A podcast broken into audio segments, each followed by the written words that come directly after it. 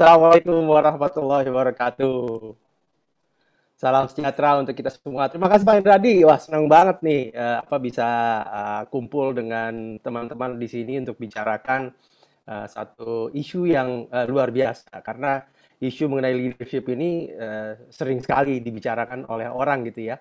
Dan uh, kita kan bicaranya kan the future leader gitu ya. Uh, dan kalau kita bicara the future leader tentunya Eh, kita berharap bahwa uh, para calon pemimpin ini bisa uh, disiapkan gitu ya untuk bisa menjadi pemimpin yang efektif. Kita sering mendengar apakah pemimpin itu dilahirkan atau dibentuk.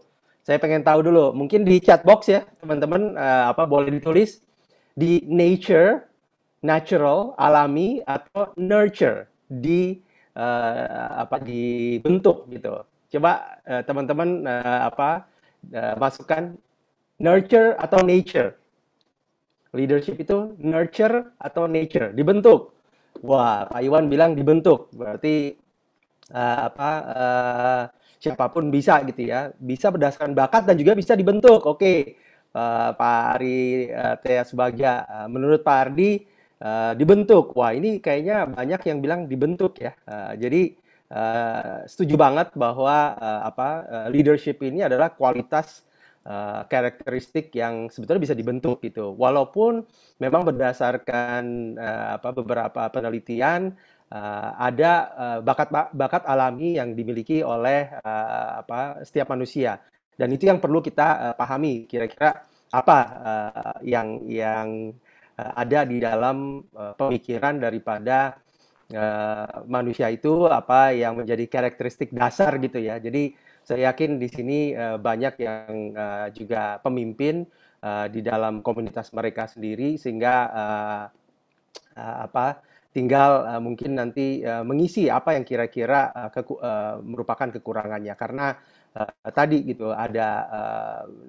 natural karakteristik yang dibentuk yang mungkin uh, sudah ada, tinggal diasah kembali dan yang kurang itu tadi juga uh, mungkin kita lihat apakah memang itu masih bisa diasah atau juga uh, membangun teamwork gitu ya. Karena tidak kita tidak harus menjadi uh, kalau bahasa Inggrisnya jack of all trades gitu. Jadi menguasai semua hal gitu ya tapi tidak dalam gitu. Jadi ada hal-hal uh, yang mungkin kita bisa uh, apa uh, dan juga menjadi uh, seorang spesialis yang kuat di satu bidang tersebut. Uh, kembali lagi uh, saya senang banget gitu pada pagi hari ini ya bersama Pak Dr. Ervin uh, dimoderatori oleh uh, Pak Hendradi bicara tentang leadership. Uh, jadi uh, materi saya uh, berkisar uh, di leadership in the digital era uh, yang nantinya tentu uh, apa uh, lebih banyak kita diskusi. Jadi saya akan uh, bicara 15-20 eh, menit untuk sharing sedikit saja. Uh, mungkin ada beberapa orang yang um, udah pernah ngelihat uh, apa uh, materi saya uh, satu atau beberapa slide ya, uh, tapi nggak nggak apa-apa, uh, refreshing aja. Saya akan bicara tentang current trends, kemudian the future of jobs, sama uh, the leadership in the digital era. Karena uh, saya mulai usaha kira-kira 30 tahun yang lalu ya, uh, pada saat usia saya 19 eh, tahun gitu. Uh, eh, 30 tahun kemudian uh, apa eh ketahuan deh uh, umurnya ya. Uh, apa uh, tentu beda gitu kan. Zaman itu uh, punya handphone aja itu udah keren banget gitu. Uh, dan handphonenya masih gede-gede gitu ya, masih dibawa-bawa gitu di dalam mobil bentuknya kayak kotak. Uh, kalau uh, apa uh, yang yang lahir atau yang sudah uh, familiar uh, pada saat uh, era itu uh, tentu mengetahui gitu ya. Jadi uh, apa uh, 30 tahun kemudian tentu beda gitu. Nah, ini kita akan bicarakan uh, trennya seperti apa. Kemudian uh, bagaimana dengan future of jobs karena leaders ini harus tahu gitu kan mengenai uh, pekerjaan uh, dan uh, untuk ke depannya seperti apa gitu dan apa saja uh, yang harus dibentuk gitu di dalam uh, leadership uh, karakteristik kita gitu ya, terutama di digital era ini. Nah, terus nanti kita uh, ngobrol-ngobrol lah setelah itu. Nah, uh, sedikit perkenalan aja, saya tadi Pak Hendra udah nyampaikan uh, adalah founder dan CEO Orbit Indonesia yang baru kita bentuk. Jadi uh, Orbit Indonesia inilah uh, perusahaan bentukan dari JG Corp bersama dengan uh, Infomedia Digital, anak perusahaan dari Tempo Intimedia uh, TBK yang punya Tempo uh, apa uh, dan uh, majalah, koran dan seterusnya. Uh, dan saya juga adalah uh, founder uh, dan chairman daripada Proven Force Indonesia dan juga uh, JG Corp yang memang uh, apa uh, di-establish kira-kira 18 tahun lalu uh, dalam rangka uh, membantu perusahaan untuk memperbaiki uh, kinerjanya. Dan sekarang kita dari saya sendiri mulainya sekarang kita udah punya uh, sekitar 2.400 2.500 karyawan yang uh, apa berkiprah di berbagai sektor uh, di dalam uh, usaha kita. Saya juga pernah menjadi CEO di BUMN tahun uh, 2009 sampai 2012 dan menjadi seorang rektor di IPMI International Business School dari tahun 2014 sampai dengan 2019. Nah, sekarang balik lagi nih back to Habitat menjadi seorang pengusaha lagi. Uh, tapi saya juga pernah di pemerintah uh, di Kementerian Desa sebagai penasehat menteri. Saya juga aktif di komunitas. Uh, di saya sebagai ketua umum alumni Amerika Serikat. Uh, kemudian juga uh, di, di berbagai macam uh, menjadi ketua di ISMI. Uh, kemudian menjadi wakil ketua umum di Asosiasi Pengusaha Retail Indonesia dan seterusnya. Di akademik saya juga ngajar, kemudian di media saya rajin nulis. Uh, tentu uh, kekuatan saya memang lebih di bisnis gitu ya. Tapi ini tidak membuat saya juga lengah karena saya tetap belajar gitu ya. Saya baru saja mengikuti certification program. Uh, saya juga uh, masih uh, apa berkutat. Uh, insya Allah ini akan uh, apa meneruskan uh, disertasi saya uh, dan dan uh, terus belajar lah. I am a long life learner kira-kira gitu. Nah uh, bicara tentang JG Corp tadi ini kira-kira gambarannya. Jadi kita merambah ke berbagai bidang, kemudian Salah satunya adalah uh, Orbitin yang nanti saya akan bicarakan. This is our uh, selected list of clients. Ada ratusan perusahaan uh, yang kita sudah tangani selama hampir 19 tahun uh, terakhir ini, uh, mulai dari multinasional uh, uh, dan uh, national company. Dan uh, sejak uh, dua tahun lalu kita gabung sama Tempo. Tempo sebetulnya adalah uh, klien kita uh, sekitar 10-11 tahun yang lalu Uh, tapi sekarang menjadi mitra kita, kita uh, joint venture untuk membangun Orbitin uh, apa yang merupakan platform uh, digital platform untuk membantu uh, enterprise dalam accelerating and launching their business into orbit. Uh, sebagian besar daripada uh, mitra kita adalah UMKM, mahasiswa, para profesional juga, uh, di mana kita menjadi inkubator uh, ya, apa uh, kemudian menjadi akselerator dan juga menjadi marketplace uh, untuk uh, service providers yang uh, berguna untuk uh, perusahaan. Kira-kira itu uh, apa gambarannya sih kalau ngelihat bisnis modelnya kita di tengah kemudian providernya itu adalah mitra-mitra kita, usernya itu ya pelajar, UMKM, profesional, startup dan seterusnya. Dan uh, alhamdulillah setelah dua tahun ya kita berkiprah ya kita sudah uh, mulai mendapat traction yang bagus. Kita bekerja sama dengan berbagai macam pihak gitu ya, uh, asosiasi yang anggotanya uh, 120 ribu orang, kemudian kita pernah bantu Aprindo, kita pernah bantu Alumnas dan berbagai macam korporasi lain gitu ya yang uh, saat ini alhamdulillah uh, banyak uh, mendapatkan uh, tentu pencerahan dari kita gitu. Jadi uh, ini lebih masif daripada uh, PFI yang yang uh, saya bentuk uh, 18 tahun yang lalu yang sekarang ini di uh, nakodai oleh para profesional yang luar biasa seperti Pak Ervin, Pak Hendradi, uh, Pak Suwandi dan teman-teman lain. Dan saya terkonek oleh uh, apa uh, benua Eropa tadi gitu. Tapi sekarang enggak. Globalization uh, can mean uh, apa uh, uh, lewat uh, udara gitu ya uh, dengan uh, connectivity uh, melalui uh, internet. Sehingga kita bisa terkonek secara virtual seperti yang terjadi teman-teman uh, mungkin ya. Kalau ada teman kita di Amerika atau di Eropa, di China, di Jepang, di Australia kita bisa terkoneksi uh, melalui uh, Zoom, melalui uh, apa Google Meet uh, secara virtual. Uh, bukan itu saja, tapi juga uh, apa dengan aplikasi sosial media, uh, apa kita juga uh, tentu uh, at any time bisa ngelihat what's going on gitu ya, berita cepat sekali. Tapi yang yang juga menarik adalah selain daripada uh, konektivitas yang uh, semakin uh, meluas tadi, Uh, juga kita melihat urbanisasi. Urbanisasi itu bukan kembali lagi bukan hanya physical perpindahan dari desa ke kota, tapi juga terjadi uh, gaya hidup yang metropolis gitu, yang uh, urban gitu ya. Even di desa, uh, saya juga uh, kembali lagi, uh, alhamdulillah sempat ngeliat gitu kan ke desa-desa selama menjadi uh, penasehat menteri desa uh, kurang lebih tiga tahun. Uh, itu ngeliat di desa-desa juga sudah mulai uh, terjadi uh, urbanization dan yang nggak kalah penting adalah terjadinya digitalization, terutama dua tahun terakhir ini, di mana uh, kita uh, ngelihat bahwa uh, uh, apa uh, orang mulai ketergantungan gitu. Kalau di China lebih cepat lagi, bahkan di 2019 uh, digital ekonominya China itu udah lebih dari 30 persen, uh, sekitar 36 persen, sehingga orang itu tidak menggunakan misalnya Uh, kalau melakukan payment itu nggak nggak pakai uang kertas lagi, uang giral lagi gitu ya, tapi mereka menggunakannya itu e-money gitu ya, e-wallet gitu. Jadi dompetnya itu ya di handphone uh, secara elektronik sehingga ke mana-mana tinggal tap aja dan uh, kita udah udah bayar. Nah Indonesia juga dua tahun terakhir terutama ini uh, lebih lebih canggih lagi gitu ya uh, mengenai hal ini. Tapi kita masih masih jauh gitu dari apa yang kita lihat di di China. Nah, uh, dengan terjadi tiga hal itu, maka ada ada pergeseran uh, di dalam basis kompetisi, uh, basis uh, persaingan, di mana sekarang uh, demand daripada pasar itu adalah terhadap uh, smart organization. Waktu saya bentuk uh, Proven Force Indonesia ini, kita fokusnya di productivity karena Eh, kita mau eh, membantu perusahaan menjadi efisien, menjadi uh, quality organization dan flexible organization. Artinya secara cost, quality dan uh, choice ini mereka uh, kuat gitu ya sehingga perusahaan bisa menghasilkan produk atau service yang QCDS-nya itu uh, apa uh, kompetitif, quality, cost, delivery sama service-nya. Nah, uh, tapi sekarang nggak bisa seperti itu lagi. Sekarang uh, harus uh, mengarah kepada innovation, bahkan menjadi smart organization. Jadi uh, kalau kita bicara mengenai uh, basis kompetisinya uh, sudah berubah. Uh, jadi tadi kalau quality, cost, delivery, and service kan bicaranya be cheaper, be better, be faster.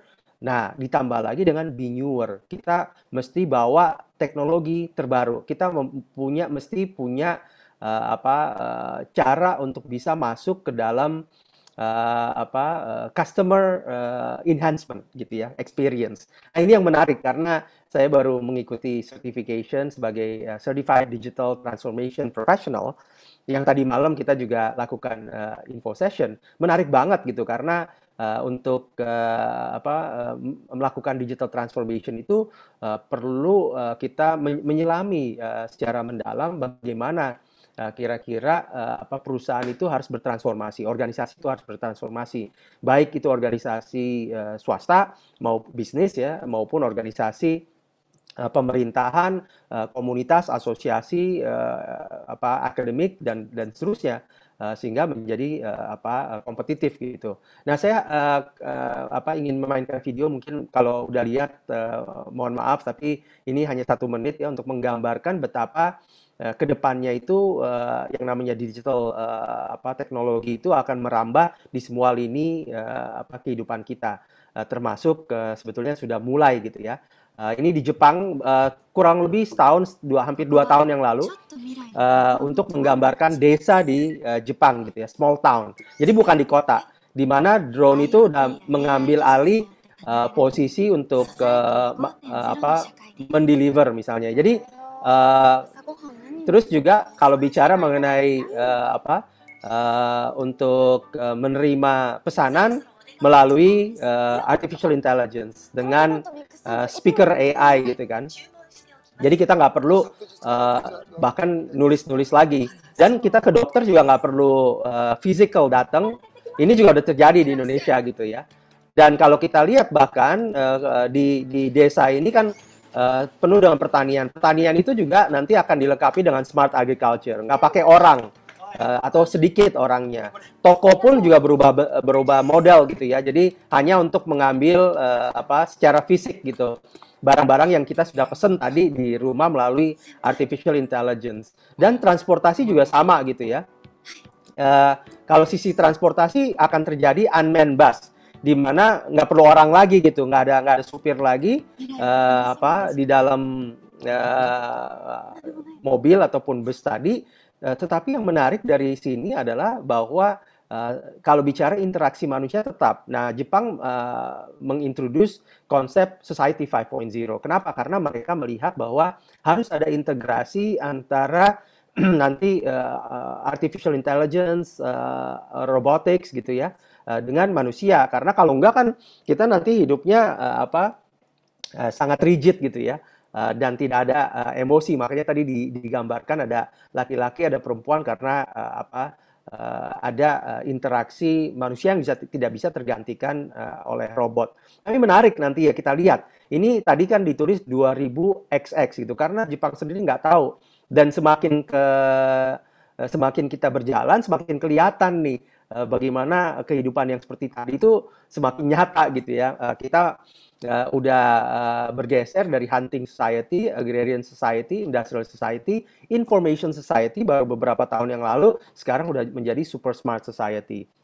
Apa itu super smart society? Jadi super smart society adalah society yang uh, apa sangat pintar gitu dan menggunakan bukan hanya intelligence manusia tapi juga intelligence daripada uh, apa buatan gitu ya, artificial intelligence.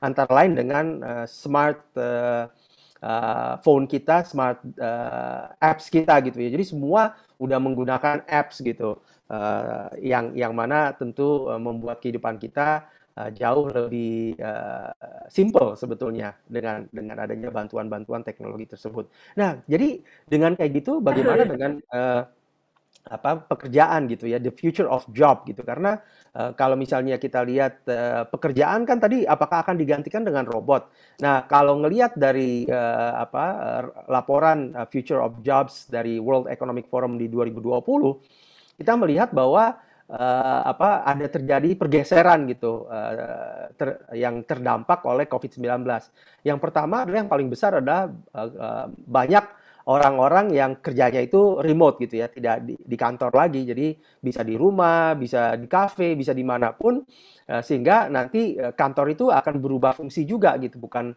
uh, nggak nggak seperti dulu gitu kan, semua harus dilakukan di kantor. Jadi uh, yang yang tidak kalah, yang juga uh, menarik adalah selain daripada uh, work from home, work remotely, itu juga terjadi akselerasi terhadap digitalisasi uh, work processes.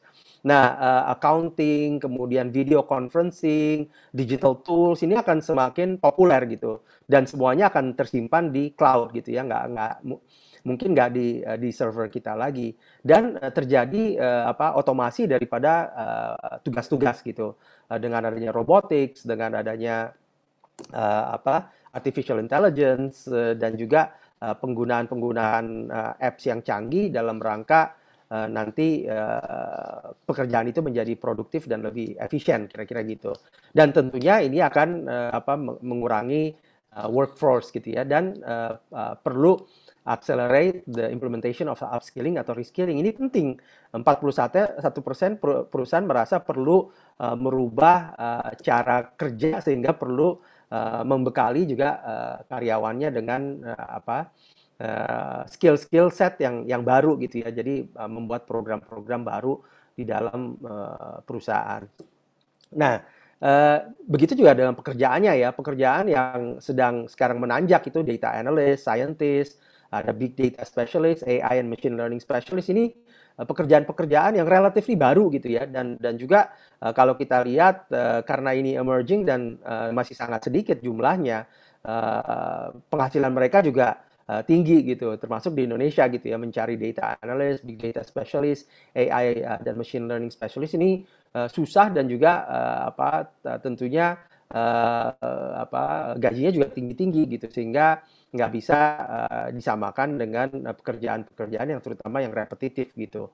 Uh, dan uh, kita akan lihat pekerjaan-pekerjaan seperti accountant, bookkeeper, payroll clerk, uh, yang memasukkan data-data gitu ya, material recording, keeping, pekerja pabrik eh, dan administratif eh, dan seterusnya ini akan eh, semakin tergantikan gitu karena pekerjaannya itu repetitif bisa diulang-ulang dan akan tentunya bisa tergantikan gitu dengan pekerja apa artificial intelligence dan robot gitu ya.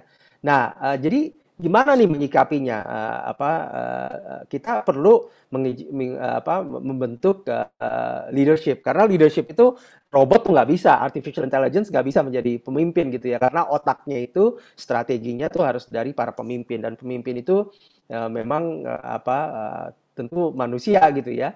Uh, kalaupun ada uh, apa pemimpin-pemimpin yang uh, robot itu hanya di film-film saja gitu ya. Paling tidak saat ini gitu ya nggak tahu kalau nanti gitu. Uh, yang jelas kita harus membentuk leadership in the digital era. Menurut World Economic Forum la uh, lagi, ta waktu tahun 2015 mereka bikin ini. Jadi mereka apa saya juga sering presentasikan ini menyampaikan bahwa ada lima apa keahlian yang dibutuhkan uh, di masa mendatang uh, di tahun 2020 ya tahun lalu gitu yaitu complex problem solving, social skills, process skills, system skills, sama cognitive skill. Nah, complex problem solving ini uh, apa nggak bisa oleh robot gitu karena uh, manusia itu uh, punya kelebihan yaitu dia bisa mencerna berbagai macam isu-isu yang ada di sekitarnya, kemudian mencoba untuk uh, menelaah bagaimana uh, apa uh, uh, menyelesaikan masalahnya. Perlu ada kreativitas gitu. Sementara kreativitas itu tidak dimiliki oleh robot uh, dan dan uh, AI karena uh, AI dan uh, itu uh, bekerja berdasarkan algoritma yang nanti menelaah apa saja sih yang harus di uh, apa apa saja yang yang menjadi kemungkinan-kemungkinan. Jadi uh, the list of possibilities, probability gitu ya. Uh, sehingga nanti mereka tinggal uh, apa uh, itu dan Eh, mencari yang paling baik yang mana gitu. Uh, tapi uh, apa unsur-unsur uh, emosi uh, dan lain-lain itu nggak bisa masuk gitu. Jadi semuanya berdasarkan algoritma. Apalagi social skill gitu kan, uh, bagaimana koordinasi, negosiasi, uh, persuasi, uh, mentoring dan seterusnya itu juga uh, apa uh, perlu uh, emotional intelligence dan uh, saat ini uh, jelas uh, tidak dimiliki oleh robot dan seterusnya. Uh, proses skill juga demikian perlu ada uh, mendengar secara aktif, uh, punya logical thinking uh, dan juga senantiasa monitoring gitu ya. Uh, begitu juga dengan judgment, decision, uh, dengan system skill, serta uh, cognitive skill yang namanya fleksibilitas, uh, agility, kreativitas, logical reasoning, problem sensitivity, mathematical reasoning, visualisasi juga itu sulit gitu ya uh, untuk di, dimiliki oleh robot gitu. Eh, secanggih apa pun uh, saat ini gitu. Sehingga ini lima hal ini uh, hanya bisa dimiliki oleh manusia dan kalau manusia punya lima uh, apa most demanded skill ini, mereka uh, tidak bisa tergantikan oleh uh, fungsinya oleh robot kira-kira gitu. Nah di 2020 pada saat World Economic Forum mengeluarkan uh, laporannya kembali kurang lebih sama gitu ya apa yang mereka temukan gitu. Eh, kali ini kreativitas, originality, dan inisiatif itu menjadi nomor satu. Kenapa? Mungkin juga karena COVID-19 juga ya, karena uh, perlu kreativitas, originalitas, karena kan ini hal yang baru. Uh, 100 tahun yang lalu kurang lebih memang ada pandemi apa flu Spanyol gitu kan.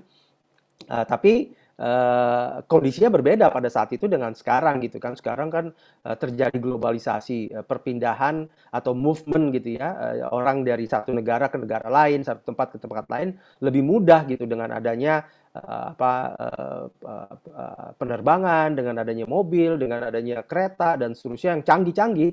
Ini perputaran apa perpindahan orang movement of people itu lebih lebih banyak gitu. Sehingga perlu ada originalitas dan inisiatif gitu ya untuk menyelesaikan problem itu. Dan tentunya juga nggak terlepas dari uh, problem solving uh, initiative, active learning, learning strategies, emotional intelligence dan uh, analytical thinking dan innovation ini penting karena nggak bisa tergantikan kembali lagi oleh uh, robot secanggih apa pun. Dan pada saat ini current skills and focus adalah bagaimana uh, berpikir secara analytical, bagaimana berinovasi, uh, teknologi design, programming, leadership and social influence, active learning, dan semua inilah kira-kira ya yang yang kita lihat ini semuanya memang uh, tidak tergantikan oleh robot gitu uh, apa keahlian-keahlian yang ada di depan mata kita ini. Nah, menurut Bloom's taxonomy jadi uh, dalam pembelajaran kita lifelong learning tadi kita harus belajar untuk kreasi. Bukan hanya ingat ya zaman-zaman kita dulu SD, SMP, SMA mungkin banyak di, di uh, apa diminta untuk mengingat. Mengingat Pancasila, mengingat secara geografi apa ibu kota dari ini uh, negara ini uh, apa dan seterusnya gitu ya. Padahal sekarang sudah ada uh, apa Google gitu sehingga kita mau nanya apa pun nggak usah inget-inget tinggal di Google aja gitu. Begitu juga dengan understanding. Uh, ini semua uh, apa bisa udah tersedia gitu. Nah, aplikasinya ini adalah uh, tingkat menengah. Jadi kalau kita bicara leadership gitu ya, semakin di bawah kita, kita hanya cuma bisa mengingat dan memahami, ya kita akan ada di piramid yang bawah gitu. Tapi kalau kita mau ada yang di tengah, kita bisa aplikasi dan bisa menganalisa secara mendalam. Kita bisa differentiate, organize, relate, dan seterusnya. Tapi kalau kita mau berada di atas di piramid tingkat atas, kita harus bisa mengambil keputusan yang luar biasa, praise, argue, defend, judge, select, support, value, kritik, dan seterusnya dan kita harus bisa uh, produce new or original work dengan design, assemble, contract, uh, construct, conjuncture, develop, formulate, uh, apa uh, author gitu ya uh, dan seterusnya. Nah ini yang uh, apa kita pengen uh, share gitu sama teman-teman sehingga nanti uh, bagaimana uh, naik ke di dalam tangga organisasi ya hal-hal ini yang perlu dipelajari kalau kita mau di bawah aja ya udah kita belajar eh, hal-hal yang uh, kita ingat-ingat aja gitu. Uh, misalnya jadi buruh pabrik gitu kan, itu di bawah tuh. Jadi ingat bagaimana caranya apa packing gitu ya, bagaimana memproduksi ini, bagaimana dan seterusnya. Jadi semakin kita ke atas, semakin kita bisa meningkat di dalam uh, organisasi. Uh, dan perlu ada karakteristik effective leader, positive energy, balanced life, create synergy. Ini sekedar gambaran aja. Tapi nanti saya rasa Pak Ervin bisa share lebih lanjut lagi. Kemudian uh, inilah kenapa saya rasa Pak Ervin, Pak Dr. Ervin dan Pak Hendradi uh, apa uh, berinisiatif untuk membuat program uh, DPFI uh, untuk membantu para future leader gitu ya. Karena kita ingin future leader itu bukan hanya bisa remember sama understand. Mungkin di saat-saat sekarang uh, ada teman-teman yang uh, banyak yang hanya bisa remember sama understand, tapi mereka mau bisa apply, analyze apalagi nanti mau create dan evaluate gitu kan mau, mau menjadi orang-orang yang memiliki skill yang uh, apa tingkat uh, tingkatannya tingkat di atas gitu. Nah ini uh, penting untuk membangun skill tadi. Tapi ya udah kalau misal tapi kalau misalnya memang mau uh, apa tetap berada di uh, piramid tingkat bawah ya cukup uh, remember sama understand aja. Cuman hati-hati karena uh, apa uh, rentan untuk didisrupsi uh, oleh uh, teknologi terbaru terutama robot dan uh, apa uh, artificial intelligence sehingga uh, nanti uh, bisa tergantikan gitu posisinya. Saya rasa uh, itu sih ya secara gambaran besarnya. Nanti kita bisa diskusi lebih lanjut. Mohon maaf Pak Indradi uh, waktunya uh, apa agak lewat dikit gitu ya, tapi mudah-mudahan membantu untuk uh, memulai uh, diskusinya nanti Pak Ervin mungkin bicara lebih detail lagi. Terima kasih. Assalamualaikum warahmatullahi wabarakatuh.